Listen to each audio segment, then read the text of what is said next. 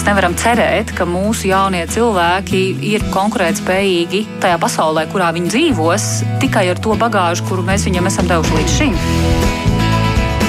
Mēs tiekamies ģimenes studijā.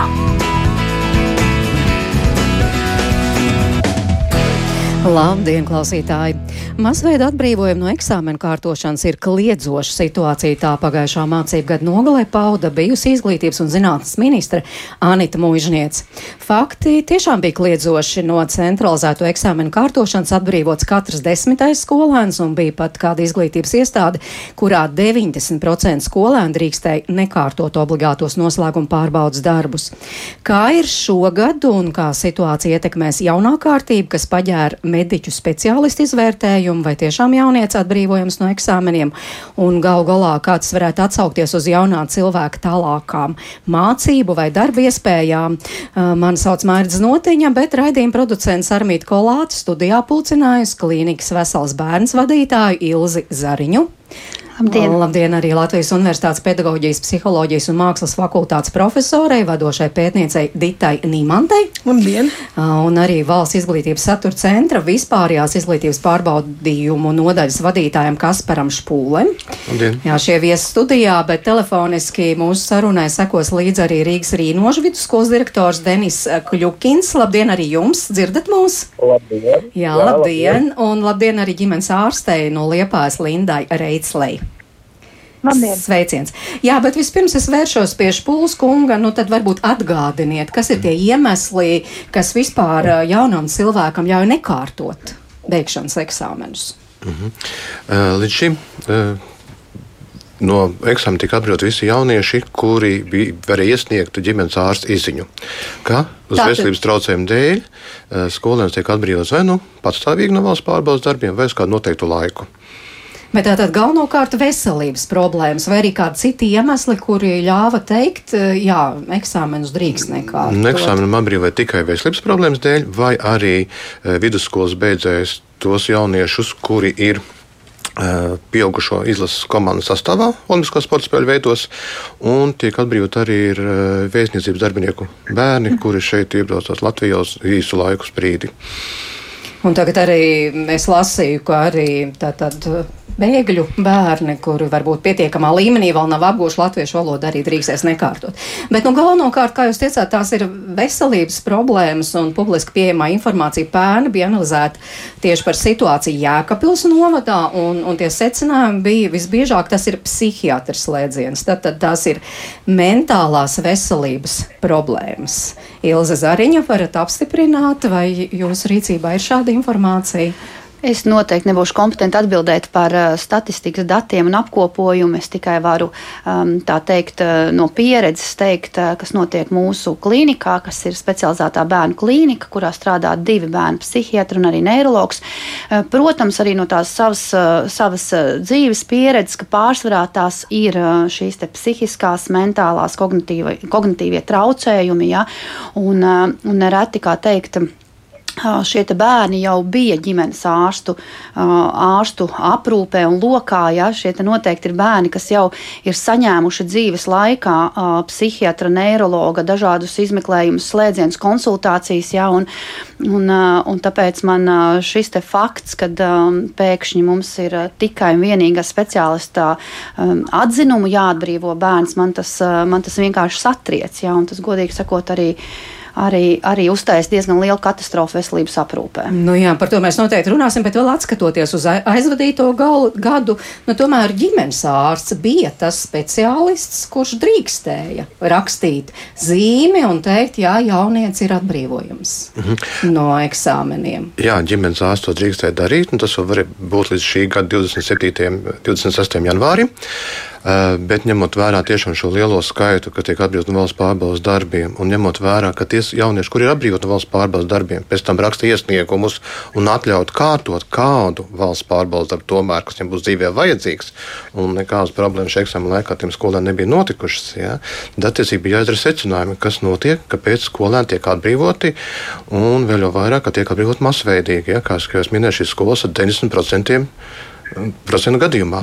Un jau pareizi minējāt, ka faktiski šie bērni, kurus vajadzētu atbrīvot no valsts pārbaudas darbiem, tie ir jau ārstējušies. Viņi nav pēkšņi nesaslimts. Ir noteikti gadījums, kad kāds pēkšņi saslimst, ja rodas kaut kāda tieši psiholoģiskā trauma, kaut kāda bijusi. Bet viņi jau ir ārstējušies ja, jau, jau, jau pamatskolas laikā, vidusskolas laikā un saņem ārsta palīdzību. Un tur tikai būtībā pie kārtējās vizītes, šobrīd zinot, kad ir šāds uh, nepieciešamība atbrīvojums īziņa, ja šis ārsts var to jau sagatavot saulēcīgi. Jā, šis ir pirmais mācību gads, kad uh, mēs tik nu, tagad pasludinām šo ģimenes ārstus, ka nē, un psihiatrijā, bet jebkurā gadījumā arī līdz šim. Ja, par atbrīvojumu no valsts pārbaudas darbiem nevajadzēja domāt pēdējā brīdī. Tas bija jāizdara līdz 1. martam. Ja, noteikums pieņēmām 25. janvārī. Attiecīgi jau tad visi tie, kuriem vajadzēja iegūt šos atbrīvojumus, viņi tika informēti jau mācību gadu sākumā, jo izglītības iestādēm ir savu uh, skolēnu un vecāki jābrīdina vai jāiepazīstina ar minuskametu noteikumiem par eksāmenu kārtošanu, un attiecīgi tad arī varēja šos atbrīvojumus sākt jau saulēcīgi kārtot. Diemžēl mums parasti Un šie atbrīvojumi tiek sakārtoti mācību gada otrajā pusgadā kas ir godīgi sakot, diezgan vēl arī no tīri no, mm -hmm. no skolas plānošanas. Jo mums ir jāzina, cik skolēni varēs kārtot eksāmenu. Ja? Un, ja skola gatava uzņemt visus skolēnus, kas kārtos eksāmenu, bet otrā semestra vidū pēkšņi šeit 1. martā viņi uzzina, ka puse vai vairāk nekārtos. Ja? Nu, visi resursi, godīgi sakot, ir jau ir, nu, iztērēti. Jā, nu, Špulskungs, jūs jau iezīmējāt, varbūt precizējiet. Tātad eh, jūs jau minējāt šo, šīs janvāra beigas, kad ir jauna kārtība, tātad ģimenes ārsts vairs nedrīkst dot, vai nu, ar 1. martu vairs nevarēs rakstīt zīmi, ja, vai kā tur īsti ir. Tā tad drīkstēs tikai ārsts speciālists, vai arī ārstu komisija pateikt, ka tiešām jaunieci ir atbrīvojums nu, no eksāmeniem. Noteikumos ir atruna par ģimenes ārstu izņem. Tas ģimenes ārsti drīkstēja līdz 26. datumam, kas tā 26. janvārim. Jā, 27. stājās spēkā jaunie noteikumi. Uh mhm. -huh. Un mēs jau izglītības iestādes jau augusta konferencē brīdinājām, ka būs noteikuma maiņa. Noteikumi tika izgrozīti tikai janvārī, bija paredzēts, ka būs krietni ātrāk. Tātad bija šis brīdis, ka būs šie ārsti speciālisti būs nepieciešami. Tas bija viens. Un e, šobrīd tātad tie ģimenes ārsti, kas uzrakstījušos atbrīvojumus, viņi ir derīgi līdz šī mācību gada beigām. Jā, vēršos pie ģimenes ārsts Lindas Reitsles. Kā ir jūsu praksē ar šiem atbrīvojumiem? Vai tiešām arī jūs izjūtat, ka tas ir tāds uh, masveida pasākums, ka tuvojoties eksāmenu laikam, uh, daudzi jaunie cilvēki nāk pēc šiem atbrīvojumiem? Nu, vismaz līdz šim nāca pie jums kā pie ģimenes ārsts. Jā, es Latvijā darbojos savā praksē kopš 20. gada decembra, un um, man jāatzīst, ka Tad, kad sākās šī pirmā saskare ar, ar tiem bērniem un viņu vecākiem, kuri pieprasa atbrīvojumus, es jau toreiz bez noteikumu izmaiņām lūdzu šo pacientu apmeklēt speciālistu, lai man tiešām būtu arī otrā ārsta viedoklis, jo sākot darbu, redzot uh, pacientu pirmo reizi uh, tādā steigā, kad apmēram man jau vakar vajadzēja izziņu, bet man tajā ambulatorijā kartē ir tukšums un galīgajās diagnozēs es neredzu neko attaisnojošu vai pamatojošu. Um, tad nu es tos pacientus instruēju, paskaidroju viņiem, ja ka būs jāvērš pie speciālista. Um, ar ko tas viss beidzas? Nu, es teiktu tā, 70% pazūd līdz ar galiem, respektīvi neiet pie speciālistā vai uz izmeklējumiem, kur viņi ir nosūtīti un nenes šos te izrakstus un es neizsniedzu viņiem atbrīvojumu. Nu, nevis atbrīvojumu, bet uh, rekomendāciju izglītības iestādē at, lūgumu atbrīvot no noteiktiem valsts pārbaudījumiem. Um, komentēt citu ģimenes ārstu prakses un, un, un tos uh, momentus man ir grūti. Man, man tiešām likās, wow, klausoties par to, kāda ir briesmīga statistika. Um, vai šie jaunie noteikumi varēs ko šeit labot un mainīt? Es domāju, jā, vai mīnusi ir to, kā tiks noslogot veselības aprūpas sistēma noteikti. Es savās pārdomās, gatavojoties uz raidījumu, nonācu pie tāda secinājuma, ka būtu ļoti labi bijis atstāt ģimenes ārstam iespēju rakstīt šo te mm, izziņu. Vienkārši varbūt tās, nu, tā kā ar uh, stingrām rekomendācijām vai noteikumiem, jā, kā pacientam būtu jābūt cita speciālista konsultācijai bijušai, ka galīgajās diagnozēs ir jābūt, jā, ka, teiksim, ir jau kaut kāda anamnēze. Uh, tas, uh, tas tādam pacientam būtu liekas gājiens, kā jau, kā jau raidījumi šie biedri stāstīja, ja teiksim, ka viņiem ir pieredze ar, ar, ar bērniem, kuriem jau ir gadu gadiem šīs te problēmas un kāpēc tie tā atkal tur tikai papīra dēļ, nu, pie doktora un, un to visu darīt. Uh, vēl viena lieta, par ko es aizdomājos, ir uh, šis te koncīlijas. Koncīlijas pēc ārstniecības likuma nozīmē ne mazāk kā trīs ārstu apspriede. Un tagad, kolēģi, iedomājieties situāciju. Uh, skatoties uz šiem te MK31 noteikumiem, uz 2.3 punktu, uh, tur stāv rakstīts ārstējošā ārsta izsniegt izrakstu, ja ir uh, nu, akūta situācija un nepieciešams pēc 1. mārta šo te bērnu kā, atbrīvot no pārbaudījumiem. Vai nu tā ir infekcija, vai nu kāda trauma, vai kas cits. Ārstējošā ārsta.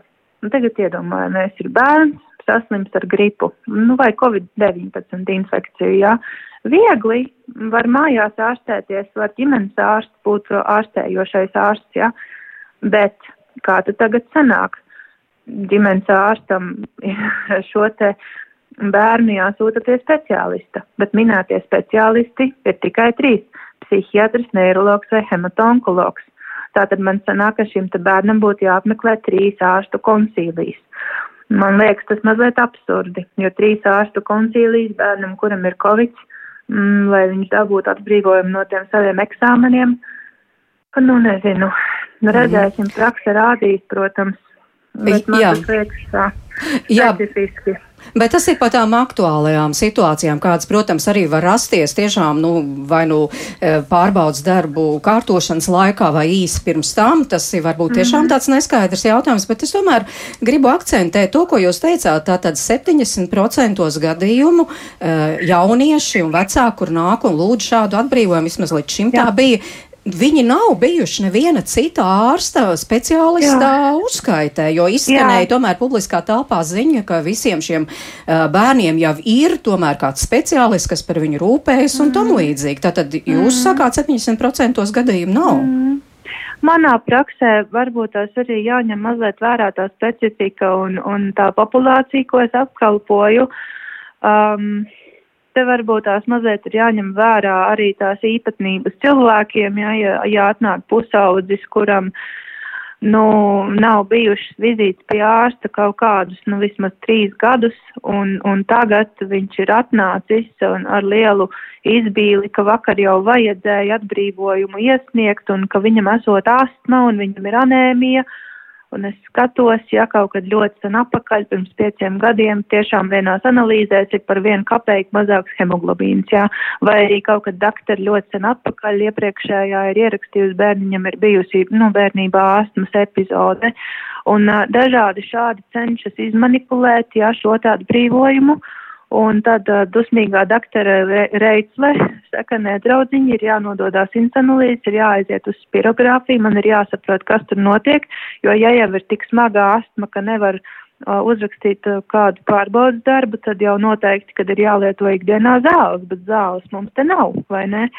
Nu, un tad tie cilvēki izkop gaisā, kā man patīk teikt, un pēc tam atpakaļ pie manis nenāk. Uh, Nu, skaidrs, ka ir arī bērni, kuriem tiešām ir šīs neiroloģiskās slimības, jā, vai arī uh, kaut kāda nopietnāka slimība, kroniska, nu, tur cukura diabēts, jā, teiksim, nu, tie jau ir manā uzraudzībā, un tiem ir pilna karte, un es viņus zinu kā raibu suni, un es zinu, ka viņiem tiešām to zīmi var rakstīt ar mierīgu sirdi, vai ne? Mm -hmm. Bet tā, tādi nav vairākums. Man ir jāatzīst, manā praksē vairākums ir tādi, kuri, nu, ir gājuši pie manis ar, ar, ar, ar lielām šokolādēm un ar lielām acīm un teikuši, vai doktor, man, man ir eksāmens parīt, un es galīgi nevaru uz to eksāmenu iet, jo man ir plakanā pēda. Jā, nu, acīm redzot, kaut kāda negoda prātība no ģimenes ārsta puses arī vērojama, jo arī pēc pagājušā gada situācijas bijusi izglītības un zinātnes ministra uzdeva veselības inspekcijai pavērtēt situāciju, un tur vērtēja, ja vismaz publiski ir pieejams Rīgas Purnciem vidusskolā, Rīgas Mūžas vidusskolā, tad tur tas secinājums bija, Jā. ka ar to purvciem vidusskolu viss kārtībā, bet, piemēram, Mūžas vidusskolā tur tomēr konstatēja arī veselības inspekcija četrus šādus gadījumus, kad eh, ģimenes ārsta nepamatot ir izsnieguši atbrīvojumu no eksāmeniem.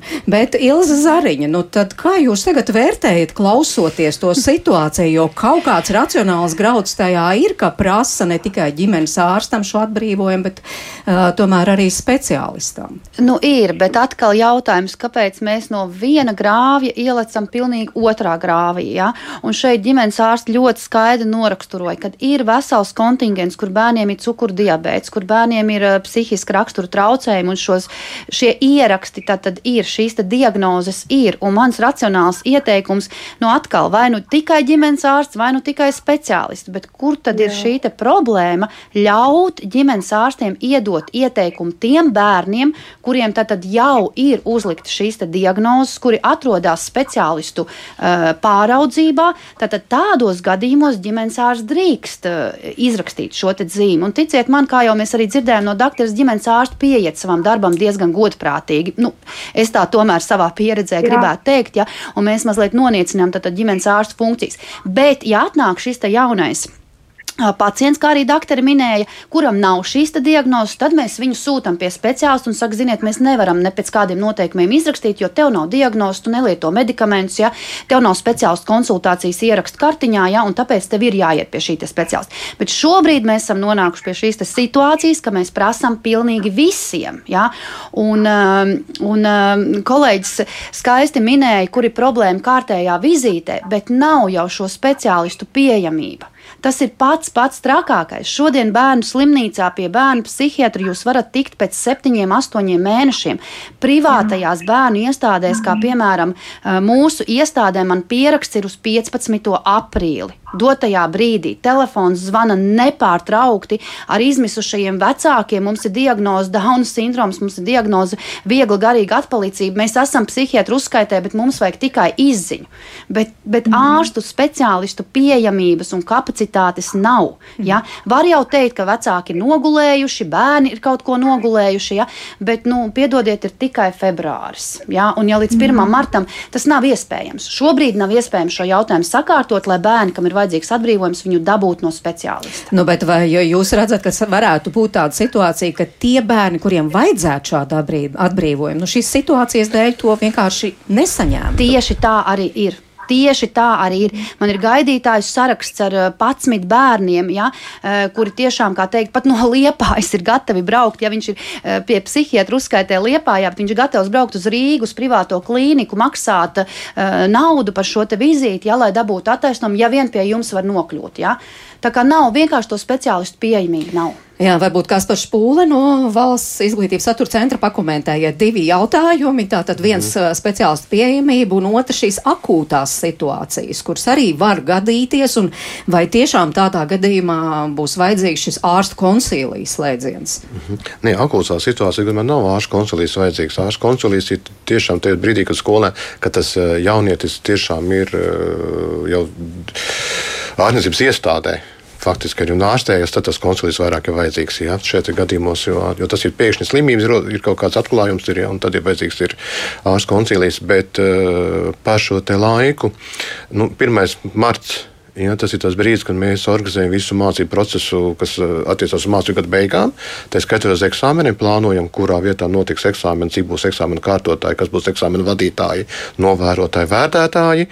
Attiecīgi tas ir tas pēdējais brīdis. Ja, un, kā teicu, tāpēc arī šogad ir šis tāds uh, gadījums, ir, kad viena noteikuma beidzās un stājās otrajā spēkā. Ja, uh, bet, uh, Mēs esam mēģinājuši skatīties eh, uz šo punktu arī, nu, varbūt izsniegsim kādu rekomendāciju, kā šogad eh, risināt šīs problēmas. Ja?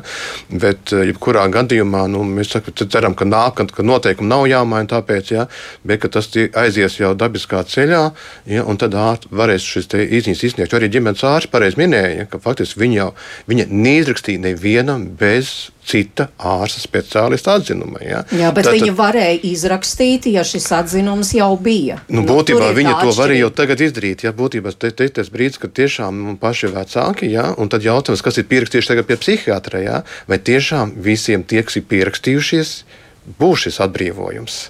Bet atkal neliekam visus vienā maisā. Nē, es saku, kāpēc nevarēja atstāt ģimenes ārstiem atļauju izsniegt tiem, mm -hmm. kuriem ir šīs diagnozes, kuriem ir šo speciālistu konsultācijas. Un tad tiem bija. jaunajiem, ja mēs dodam speciālistus. Vecajos noteikumos arī bija šis punkts, kad ģimenes ārsts balstoties uz uh, citu ārstu speciālistu atzinuma iesaka atbrīvot no valsts pārbaudas darbiem. Nu, rezultāts, diemžēl, ir šāds, kāds bija. Jā, uzreiz arī doktorē grib pajautāt, nu, te, piemēram, mums klausītāji, jā, jautās, starp citu klausītāji, paldies, ka iesaistāties mūsu sarunā. Cukurdiabēts ir iemesls nelikt eksāmenu. Mans dēls slimo ar pirmā tipa diabētu no viena gada vecuma. Un mm. līdz šim līdzs viss esi eksāmenus beidzis augstskolu veiksmīgi strādā super. Ir ļoti dažādas situācijas, katram pacientam individuāli, diemžēl. Ir arī ļoti grūti kontrolējumi pirmā tipa cukuru diabēta ar neiroloģiskām komplikācijām, ar redzes traucējumiem, ar dzirdes traucējumiem. Ja. Um, mēs tiešām katru gadījumu izvērtējam individuāli. Un arī klausoties šo diskusiju, es saprotu to, ka mēs esam otrā grāvī šobrīd, un es arī pilnīgi piekrītu, ka nu vajadzētu veikt kādas korekcijas un ļaut mums, ģimenes ārstiem, tiem bērniem, kuri ir mums redzeslokā, ir speciālistu redzeslokā, ja, nu, ka mēs tomēr varam viņiem iedot šo te izziņu, jo, nu, rindas uz bērnu psihiatriju ir tieši tādas dramatiskas, ja, un, un mēs jau cīnamies visādi, bet. Um, es domāju, ka paliks tikai trakāk ar šiem te jauniem noteikumiem. Bet jā, atgriežoties pie klausītājas jautājuma, uh, viss kārtībā ar viņas dēlu, viņš ir malacis, ka viņš visu eksāmenis liek un studē, tas ir super, mm, bet diemžēl ir arī tādi, jā, kuri, nu, kuri tā nevar un kuri arī nav, nu, spējīgi to eksāmenu aiziet nolikt. Jā, starp citu, arī klausītāja Ilza raksta, es tikai nesaprotu, vai un kādēļ pirms izmaiņām noteikumos šī saruna nav notikusi starp ministriju un ārstiem. Varbūt arī tad rezultatīvāks eh, šis lēmums būtu pieņemts, bet es gribu sarunā iesaistīt arī Rīgas Rīnožu vidusskolas direktoru Denisu Kļukinu. Jūs klausāties šo sarunu studijā, kā tas izskatās no skolas viedokļa? Vispirms pavērtējot to pagājušo gadu, kā bija jūsu skolā, cik daudz bija tādu skolēnu, kuri nekārtoja eksāmenus, kuri bija atbrīvoti?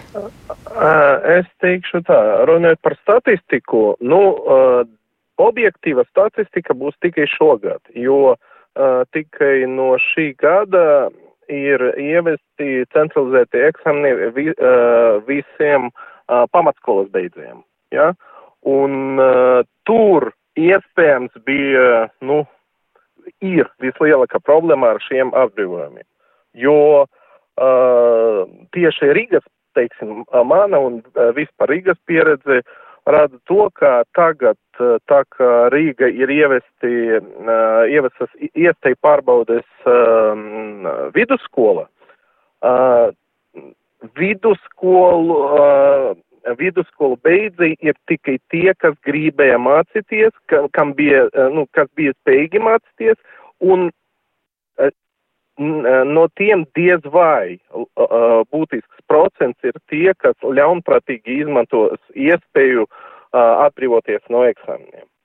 Tāpēc šogad mēs redzēsim, kāds būs ar pamatskolas beidzējiem. -hmm. Bet jūs un, kaut kā no skolas puses varat to ietekmēt? Nu, piemēram, vēlreiz pārbaudīt, cik pamatots ir šis ārsta atbrīvojums vai vecāka iesniegums. Ja jūs tādu saņemat, jūs jau nevarat nekā nu, citādi jā. reaģēt, kā vien to atbalstīt.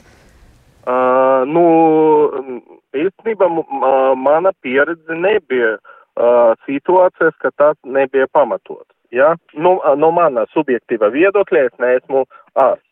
Uh, bet, uh, protams, tā kā tā, nu, kādus uh, pēdējos, cik tur bija, trīs gadus, uh, ir uh, veikta, veikta stingrāka kontrole, uh, stingrāka uh, ģimenes ārstu kontrole tieši to atbrīvojumu ziņa. Uh, nu, atbrīvojumu skaits uh, krietni samazinājās, ja, un, nu, ot, pirms nedēļas mums bija uh, saruna ar uh, 11. klašu skolēniem, kas arī, kam arī jākārto šogad daļa no eksāmeniem, centralizētiem eksāmeniem. Un no 11. klasēm bija tikai viens sens, kam ir atbrīvojums. Tas, uh, nu, nav, uh, un tam bērnam re, reāli ir hroniska slimība, un, nu, tur nu, es nevaru neko nu, apšaubīt šo atbrīvojumu. Mm -hmm. Jā, Špulskungs, skatoties uz aizvadīto gadu, tas apstiprinās, ka tomēr vairāk šo atbrīvojumu ir tieši uh, pamatskolas beidzēju vidū, nevis vidusskolas. Vidusskolā jau tā kā viss ir uh, vairāk motivēti, pārliecināti, un viņiem arī šis rezultāts nu, ir vairāk nepieciešams. Jāskatās, protams, ka pēc uh, kārtu eksāmenus, jā, un kas tas mērķis ir, un kā sākumā minēja, ka skolēni atbrīvojas no eksāmeniem, tiek atbrīvoti, bet viņi pēc tam raksta iesniegums, lūdzu atļaut kārtot vienu vienu vai divus eksāmenus. Ja? Un ļoti tipisks tas bija mazākumtautības skolās, ka viņi atbrīvojas no eksāmeniem, bet kārtot gribēja tikai latviešu valodas eksāmenu. Jo automātiski viņš nokārtot šos eksāmenus, viņš atbrīvos no valsts valodas prasmes attestācijas. Nākamais solis, kāpēc kārtot eksāmenus, lai iestātos augstskolā. Un tajās augstskolu grupās, kurās ir budžets un ir liels konkurss, tur ir diezgan būtisks eksāmena rezultātam. Un skolēns ir atbrīvots no eksāmena, tik, bet kārto tikai tos eksāmenus, ko prasa augstskola. 9. klasē eksāmeni nebija sasaisti ar turpmāko mācību procesu. Ja? Bija skolas, kurās rīkoja iestāju pārbaudījumus. Un, cik man ir zināms, arī Rīgā, kurā ir jau divus gadus rīkošos iestāju pārbaudījumus, visi skolēni ir piedalījušies eksāmenā. Arī tajā skaitā, kuri bijuši atbrīvot no eksāmeniem. Tad iestāju pārbaudījums viņi drīkst, var nokārtot. Ja? Un tas attiecīgi arī šogad ir pirmo gadu ir centralizēti eksāmeni. Un ir tāds top projekts, ka, lai iestātos augstskolā, tas ir vidusskolā, būs jāuzrāda cenzūrātu eksāmenu rezultāti, nevis jākārto jauni citi eksāmeni. Ja? Un līdz ar to droši vien arī tāpēc varētu būt arī samazināsies skolēnu skaits, kas uh, tiks atbrīvot no eksāmeniem, bet viņi kārto šos eksāmenus. Uh, bet uh, tīri statistiski, jā, pamatskola, mēs arī redzam pēc iepriekšējā gada datiem, arī pamatskolā ļoti daudz tiek atbrīvot no eksāmeniem. Uh, mums bija tad, kad rakstījām šos noteikumus, veidojam par centralizētu eksāmenu kārtību, eh, tad nebija vēl paredzēts 9. klasē visus eksāmenus centralizēt vērtēt. Šobrīd ir eh, šī jaunā kārtība, ka visus eksāmenus vērtējam centralizēti. Un uh, mūsu noteikumos ierakstīts tas, ka ir atbalsta pasākumi. Tad skolēniem, kuriem ir dažādi veselības traucējumi, viņi eksāmena laikā var izmantot atbalsta pasākumus, par kuriem, diemžēl, vecāki varbūt nav tik labi informēti. Un viena daļa, kas kārtošos atbrīvojumus, drīzāk būtu labāk kārtojušos atbalsta pasākumus, kurus piemērojam mācību procesa laikā. Tas ir gan laika pagarinājums, gan atsevišķa telpa, gan atgāņu izmantošana. Gan eh, mums ir eh, psihologs, ir eh, kabinetā blakus sēdējis. Ja? Ir daudz atbalsta pasākumu, kuri vispār starptautiski izmanto vairāk. Mēs esam viena no retajām valstīm, kurās atbrīvo no valsts pārbaudas darbiem. Ja? Bet mums tiešām ir uh, šie atbalsta pasākumi, kur mēs arī ieteiktu pēc iespējas vairāk izmantot. Un šobrīd mēs grozām noteikumus, lai šos atbalsta pasākumus piešķirtu gan skolas psihologs, gan logopēds, skolas administrācija varētu piešķirt ne tikai jo. valsts Bet, bet, Jā, jau, jo es gribēju jautāt, jo līdz šim tās ir tikai valsts eh, vai pašvaldības pedagoģiskas medicīniskās komisijas mm -hmm. Mēs, atzinums, faktiski, lai varētu vispār šādus piešķirt. Eh, jā, grozījumi ir šonadēļ pabeidzam pēdējo kārtu, jā, tas nozīmē, ka jau kā kabinetā varētu būt jau marta sākumā apstiprināt šie jaunie grozījumi. Es gribu paldies teikt ģimenes ārstei Lindai Reitslē, paldies tiešām, ka piedalījāties mūsu sarunā, bet klausītājiem atgādināt, ka pie mums šodien studijā ir klīnikas vesels bērns vadītāja Ilza Zariņa. Latvijas Universitātes pedagoģijas, psiholoģijas un mākslas fakultātes profesora, vadošā pētniece Dita Nīmante un Valsts izglītības satura centra vispārējās izglītības pārbaudījuma nodaļas vadītājs Kaspars Špūle un pat tālruni joprojām Rīgas Rīnūža vidusskolas direktors Denis Kļukins. Es uh, Kļukinkungam īsi gribu par šīm uh, atgādnēm vai šo iespēju kārtot, uh, nu, tā tad ar atbalsta pasākumiem izmanto skolēni šo iespēju. Uh, mums tādas pieredzes nebija, bet, uh, ja būs nepieciešama, mēs visu to nodrošināsim. Jo, nu, es, es reāli, pašlaik es vēl neredzu nekādu problēmu ar šiem atbrīvojumiem uh, no, nu, izglītības iestāžu puses. Protams, kaut ir kaut uh, kas nav saskaņots, kas palielina arstu slodzes, bet uh, gan, uh, gan izglītības iestādes ir gatavas un uh, īstenībā uh, visi bērni, kas uh, plāno uh, atbrīvoties no eksāmeniem, nu, bērnu vecāki pārsvarā, ja, viņiem, nu, tas slimības nav pirmas dienas slimības, jā, jo es domāju, visiem, viņiem visiem ir diezgan liela pieredze sadarbība ar ārstiem un uh, es nedomāju, ka būs milzīga problēma uh, Uh, lai viņiem nodrošinātu tos atbrīvojumus, uh, ja tie ir reāli pamatoti. Mm -hmm. Jā, nu tā tad dažādas pieredze, pieredzes, dažādi viedokļi. Es tiešām atvainojos un gribu iesaistīt sarunā arī Ditu Nīmanti no Latvijas universitātes. Kā jūs vērojot visu, kas notiek? Mēs te dzirdējām dažādu viedokļu, tātad no skolas puses it kā viss kārtībā, īpaši ar tiem vidusskolu beidzējiem. No otras puses, tomēr šis lielais cipars, nezinu, kāds tas būs šogad. Kā jūs to vērtējat? Kāda, kā jūs vērtējat šo situāciju? Jā, paldies, paldies par šo sarunu, jo, jo manuprāt, mums būtu jāskatās varbūt tā vēsturiski, kā, kāpēc vispār šādi atbrīvojumi ir radušies. Es domāju, ka tas ir tāds mantojums, kas mums joprojām nāk no neatminamiem laikiem. Un, patiesi, Ko tas nozīmē no neatminamiem laikiem? Tas ir no padomu laikiem. Jā, jā protams, protams. Un, tas nozīmē, ka jau kolēģis teica, ka faktiski tā ir tā pieredze, ko mēs esam pārmantojuši un turpinam eksploatēt. Un, manuprāt, tāds loģisks risinājums ir tiešām šie atbalsta pasākumi. Jo pēc būtības, ja skolēns mācās šajā programmā, kurā viņš mācās, un viņš ir spējīgs mācīties konkrētajā programmā, un tad viņš pēc tam vēlas kārtot šos pārbaudījumus, tad attiecīgi viņam būtu nepieciešama arī šie, piemēram, ja ir atbalsta pasākumi. Ja, tas ir arī bijis bieži vien iemesls, kāpēc skolas sākumā, kad arī vēl nesaprata, kā tā sistēma darbojas, ka viņi pat rekomendēja es zinu tādus gadījumus, šos te, no, um, atbrīvojumus. Bet, principā, uh, ja ir bijuši atbalsta pasākumi mācību procesā, pēc tam arī attiecīgi šie atbalsta pasākumi ir uh, pārbaudījumos, tad uh, tā sistēmā vajadzētu nostrādāt. Protams, vienmēr ir kaut kādi izņēmumi gadījumi um, no ar kuriem ir jārēķinās, bet um, es nedomāju, ka viņi ir ļoti daudz, un viņi varētu būt daudz. Nākotnē skatoties, es ceru, ka mums jāvērtē un jāskatās. Mums nav pētījumu par šo. Interesanti, ka es apskatījos vakardienas datu bāzēs pasaulē, kā jau kolēģis teica, tāpēc, ka citiem tādas pieredzes nav, arī pētījumu par to nav. Ja, mēs esam diezgan unikāli ar šo visu. Mm -hmm. Jo, faktiski jūs sakāt, ka ja jau skolēns ir spējīgs, bijis spējīgs mācīties, nu, piemēram, 12 gadus skolā, nu, tad faktiski viņam būtu jābūt spējīgam arī nokārtot eksāmenus. Jo arī mums te kāda māmiņa, piemēram, raksta, saprotams, ka no sporta var atbrīvot fizisku vainu dēļ, kādēļ no vispārīgiem priekšmetiem, kādēļ skolotāji un ģimenes ārsts neziņo skolas vadībai, ka bērns garīgi nespēja apgūt mācību vielu lielu jau paša gada sākumā, nevis velka bērnu. Un vidusskola nav obligāta, un pamatskolas arī ir speciālās, un, un mazveidīgi šādi atbrīvojumi nevar būt. Nu, piemēram, šeit, šeit un, un, un vēl te bija kaut kāds uh, līdzīgs arī.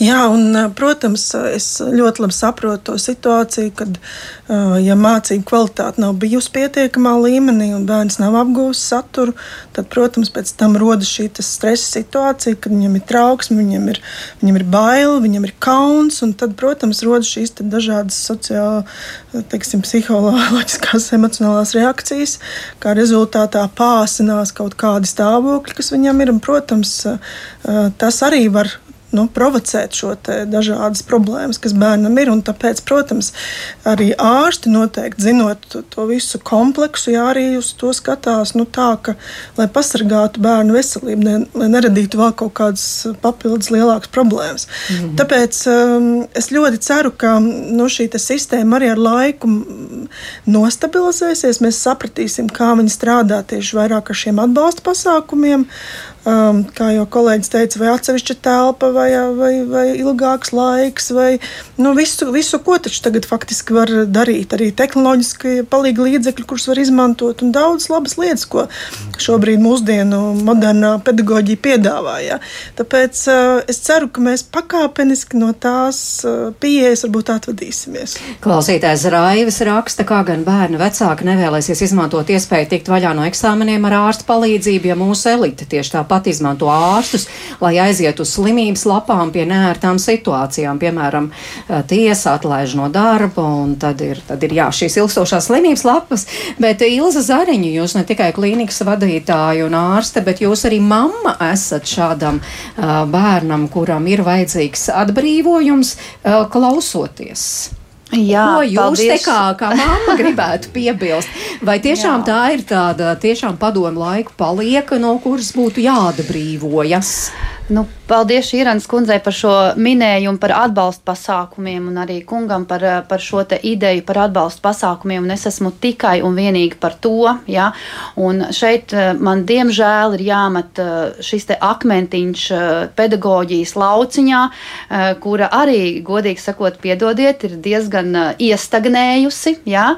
Un mēs ne pa labi, ne pa kreisi. Eksāmeni ir tikai tādi un nekā savādāk. Un, diemžēl mēs īstenojam iekļaujot šo izglītību, jā, bet mēs nepiedāvājam reālā dzīvē šos atbalsta pasākums, par ko jūs minējāt. Un tie patiešām neprasa ne milzu līdzekļus, jā, neko tam līdzīgu. Un manā pieredzē un patiešām apkārtējo konkrētu, vairāk konkrētu gadījumos, arī savā personīgā gadījumā, es varu teikt, ka mans bērns pilnīgi noteikti kārtotu 9. klases eksāmenus, un es zinu daudz tādus bērnus, ja vien būtu iespēja šiem atbalsta pasākumiem. Bet, diemžēl, šādas iespējas nav bijušas. Es nezinu, kā tas ir tagad. Mēs atkal esam tikai tādā nulles, nulles punktā. Par šo te mazliet kliedzošo situāciju es gribu piebilst tīri pagājušajā gadā. Šis ir tas punkts, par ko es esmu kliegusi ļoti daudz gadus. Un eh, pagājušā gadā viena mana kolēģe, kas ir arī bērnu slimnīcas, eh, Kliniskās universitātes slimnīcas eh, ārsts, docente, ja, šo jautājumu pacēla pat arī sociālos tīklos, publicējot šo devīto klašu eksāmenu grafiku. Ja. Un, un, un mēs runājam par atbalstu pasākumiem, bet mums ir elementāri pieaugušajiem jāsaplāno normālā grafikā šie eksāmeni. Ja. Un nevar būt tā, ka ir nedēļā trīs eksāmeni, un starp eksāmeniem nav 24 stundu laiks. Ja? Un bērni, kuriem ir šīs trauksmes, ja? vai kuriem ir izteiktās stiprās galvas sāpes vai migrēnas, ja? vai tam līdzīgi, ticiet man, ieraugot šo pagājušā gada 9. klases eksāmenu, eh, jebkurš normāls vecāks, zinot savu bērnu, kuram var izprovocēties veselības problēmas, ņēma attaisnojumu, jo nebija garantija, ka tas bērns, atvainojiet, man nenolūstu pie šāda te grafika. Un man nav saprotams vēl joprojām, kāpēc ir jāsaliek eksāmeni divu nedēļu laikā, kāpēc mēs nevaram normāli kārtot četru nedēļu garumā. Jā, mums ir mācību gada garums, mums ir deadline, bet viņus visus var pagarināt. Viņus visus var, var jebkurš vecāks būtu priecīgs savu bērnu vest skolā līdz 15. jūnijam. Nevis eh, man, man patīk, kā kādreiz nelaiķis uh, Roberts Čīls, izglītības ministrs, ja, teica, mums ir viena vienīga dragāšana. Mēs dragājam dragājam, nevis normāli dzīvojam un normāli mācāmies un normāli kārtojam eksāmenus. Ja? Un tāpēc arī bija, mums vajag bišķiņu pašiem paskatīties, kāpēc pagājušajā gadā bija tā kliedzošā situācija. Mm. Un tas ir viens no iemesliem - grafiks. Jā, šis jautājums tiešām aktualizējās pagājušā mācību gadā, vai valsts izglītības satura centrs ņems uh, to vērā un jau domājot par uh, šī gada grafiku, nu, tas ir izkārtots mierīgāk un, un, un domājot tiešām par bērnu labsajūtu. Šī mācību gada grafiks ir jau viss citās nekā tas bija iepriekšējā mācību gadā. Jā, tā kā dažs ir blakus faktori, eh, kurās dienās ir eh, nedrīkst kārtot eksāmenus. Mums jāņem vērā, jā, ka tur ir svētku dienas un pēdējā skolas diena. Jā, un līdz ar to gados, gados, kādos gados trāpās arī to sesiju pavilkt garāk. Jā. Eh, Pagājušajā gadā, manuprāt, nebija neviens eksāmens, trīs eksāmeni, bet pa vidu bija vēl iestāju eksāmeni ko rīko pašas izglītības iestādes, rīko. Un tad bija šie trīs eksāmeni jākārto. Jā. Bet tā bija divi eksāmeni. Tātad parasti ir uh, otrdienās un, un ceturtdienās vai piekdienās. Jā. Uh, šogad mums ir trīs eksāmeni skolēniem jākārto tīri sakārtot katru savā nedēļā. Attiecīgi ir uh, 9. klasē. Uh, mums vēl klāt nāk vēl 4. eksāmenis, kurš ir ieplānots, ir starpdisciplinārais pārbaudas darbs. Tātad tie būs četri eksāmeni, un tad rodas jautājums, kad kārtojam eksāmenus. Ja? Mums mācību gads ir līdz 14. jūnijam. Parasti parasti 9. klasē. Un tad mēs gribam lielās izlaiduma balles, saņemt rezultātus un doties eh, uz nākamo skolu, paspēt iestāties vēl kaut kur, ja dokumentus, vai mēs pagarinām mācību gadu, ja, par ko arī bija šī diskusija, jā vai nē. Uh, mācību maijā nelabprāt gribam kārtot eksāmenus, jo tad pāriem skolēniem nenotiek mācības, jo eksāmena noris ir iesaistīti citi pedagoģi. Ja? Un līdz ar to tagad mēs esam maiju atbrīvojuši no vidusskolas eksāmeniem. Tos esam salikuši jūnijā. Bet mums ir ļoti lielas iespējas kārtot dažādas eksāmenes. Tie ir trīs eksāmeni, latviešu un matemātikas svešvaloda, kas ir jākārto obligāti, jebkurā līmenī, un tad vēl divi augstākā līmeņa eksāmeni, kuru skaits ir tāds, ja, ka būtībā mēs nevaram pat izkārtot līdz Jāņiem kad beidzās mācību gads pēc likuma šobrīd, ja, uh, lai visi eksāmeni būtu ar vienu dienu starpā. Un, uh, jo faktiski ir eksāmeni, ir daudz. Kā to izdarīt? Šobrīd mēs arī sākam veidot ja, nākamā gada grafiku, 24. gada grafiku, ja, un tad mēs saprotam, ka mums atkal ir dienas, kas, ir, kas ir traucē nedēļas vidū, ja, ir mm -hmm. kādas dienas, kas, kas atkal grafikus saliek. Bet, uh, godīgi sakot, man pašam ir pieredze no Eiropas Brīseles skolas, ja, kur jaunieši uh, kārtojot eksāmenus, viņi tiešām kārto šos valsts pārbaudas darbus savus, no rīta noliek geogrāfiju rakstiski vakarā atnāk uz matemātiku mutiski, un otrā rītā kā to latviešu valodu rakstiski. Šāda arī tāda kārtība. Ja? Jautājums, kā mēs, ko mēs uzskatām par eksāmenu? Bet tas ir biets. Pabeigšu skolu, nepabeigšu skolu, bet tomēr es atnāku parādīt to, ko es varu. Man ir bijuši, pabeigšu tikai, ja, man ir bijuši mamma, kur nāk, teica, mūsu skolotāji negatavo eksāmenam. Jūsu skolotāji nevar sagatavot eksāmenā. Jā, no šitajos jautājumos mēs tagad varētu daudz un dikti iedziļināties, bet tad blīvāks vai tomēr tāds mierīgāks būs šis grafiks šajā gadā, vienā vārdā, neiedziļinoties tur darba dienas, svētku dienas. Šajā gadā 9. klasē brīvā, ir eh, brīvāks grafiks, tad retāk eksāmeni notiek, ja vidusskolā atkarīgs no tā, kādus eksāmenus skolēns būs izvēlējies kārtot. Mm -hmm. Var gadīties arī, teiksim, ka ja viņš kārto geogrāfiju un kultūru un mākslu kas ir blakus dienās. Ja? Mēs ceram, ka mums tā doma ir šobrīd, mums nav pētījuma, mēs nezinām, jo pirmo reizi tā būs. Ja? Vai skolēns, kas kārto geogrāfiju, kārtos arī kultūru un mākslu.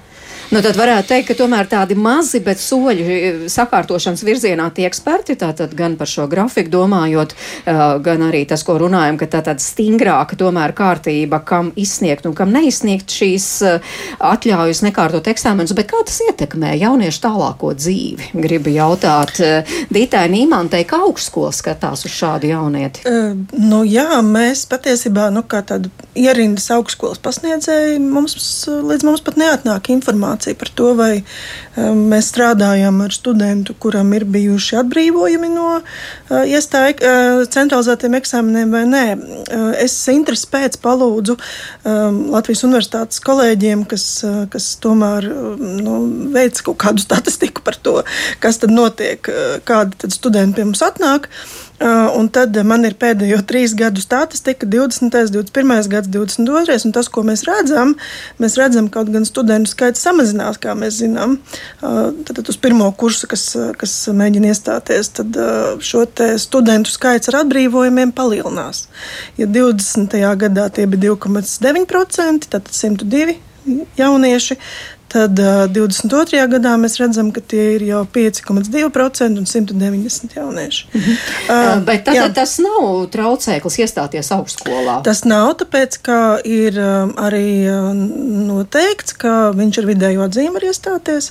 Nu, protams, izņemot, ja tur ir kāda papildus eksāmena vai uzņemšanas kārtība un tā tālāk. Tā kā, protams, tas uh, pašlaik nav traucēklis, bet, uh, nu, lai varbūt tādus augstākus uh, iespējamos rezultātus iegūtu un arī tāpat ir vēl viens, piemēram, pedagoģija ir pārunas, ja, kur, kur, kur viņam ir papildus, ja, arī Tur nemaz nav arī tik vienkārši tās reglam, īpaši, kur reglamentētās profesijas, ja, ka tur tomēr ir tie pārbaudījumi papildus. Nu jā, bet vienā ziņā varētu teikt arī, nu, cik tas ir nu, vienlīdzīgi no tādas vienlīdzības viedokļa, jo kāds tomēr šos eksāmenus tur saņemās kārto, izcieš visu, kas no ar to saistās, un kāds, nu, jā, tiek jā, atbrīvots. Tieši tāpēc. Gal galā, nu, viņiem ir vienāds iespējas jā, iestāties protams, augstskolā. Protams, tāpēc, nu, vienmēr mēs skatāmies uz šiem te, uh, eksāmeniem, centralizētiem kā uz augstu riska jā, eksāmeniem, jo tie nodrošina pēc tam šīs vienlīdzīgās vai nevienlīdzīgās iespējas tālāk. Un, ja mēs paredzam ar vien vairāk izņēmumus, kā rezultātā kāds var kaut ko nekārtot, protams, šī vienlīdzība samazinās. Un uh, tās uh, iespējas izšmaukt cauri sistēmai apmānīt, piemānīt un tā tālāk viņas, viņas ir. Un tad, un tad ir tas jautājums, jā, kas tad ir tas students, kas pie mums atnāk ar kādu līmeņa zināšanām, prasmēm, kompetencēm, stresa noturību. ja, un, un, un spēju mācīties un gal galā kārtot arī augstskolas eksāmenus. Lai nav pēc tam tas vilnis neaiziet pie mums, ka, ka mums arī teiks, ka mums jāatbrīvo viņi no eksāmeniem.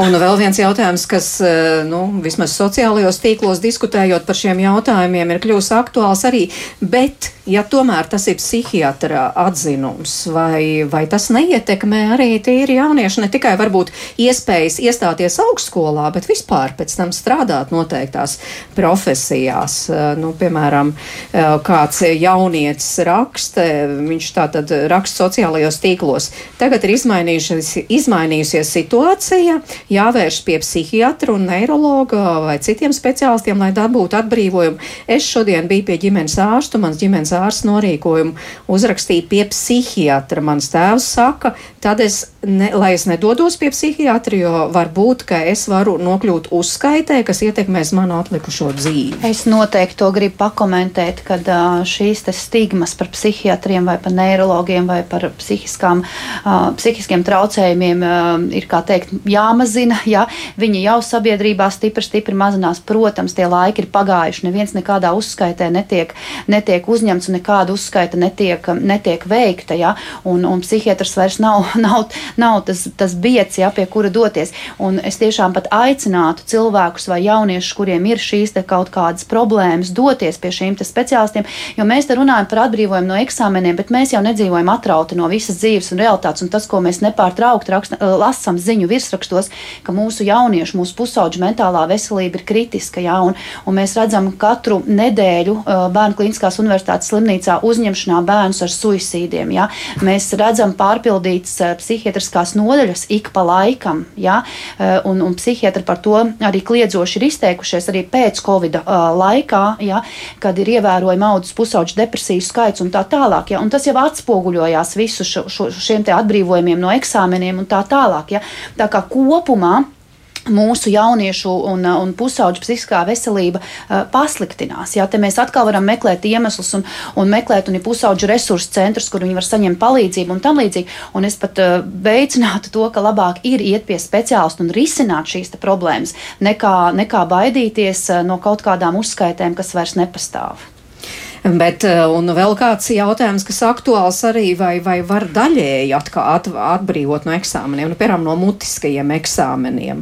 Uh, arī kāda mhm. jaunieta raksta, man ir paniskas bailes no visāda veida mutiskajiem eksāmeniem, vai kaut kādas uzstāšanās, vai runāšanas ar direktoriem, vai ko tādu. Es pat mēdzu aizmirst pašsaprotams lietas, varu pat aizmirst savu uzvārdu, kad komisija man prasa. Tas jau jājautā Jā. droši vien, kas pulskungam. Nu, ir, jo jūs teicāt, ka faktiski jau tā situācija arī tāda, nu, it kā atbrīvojums, bet nu, no šī tā atbrīvojam, no šī tā neatbrīvojam.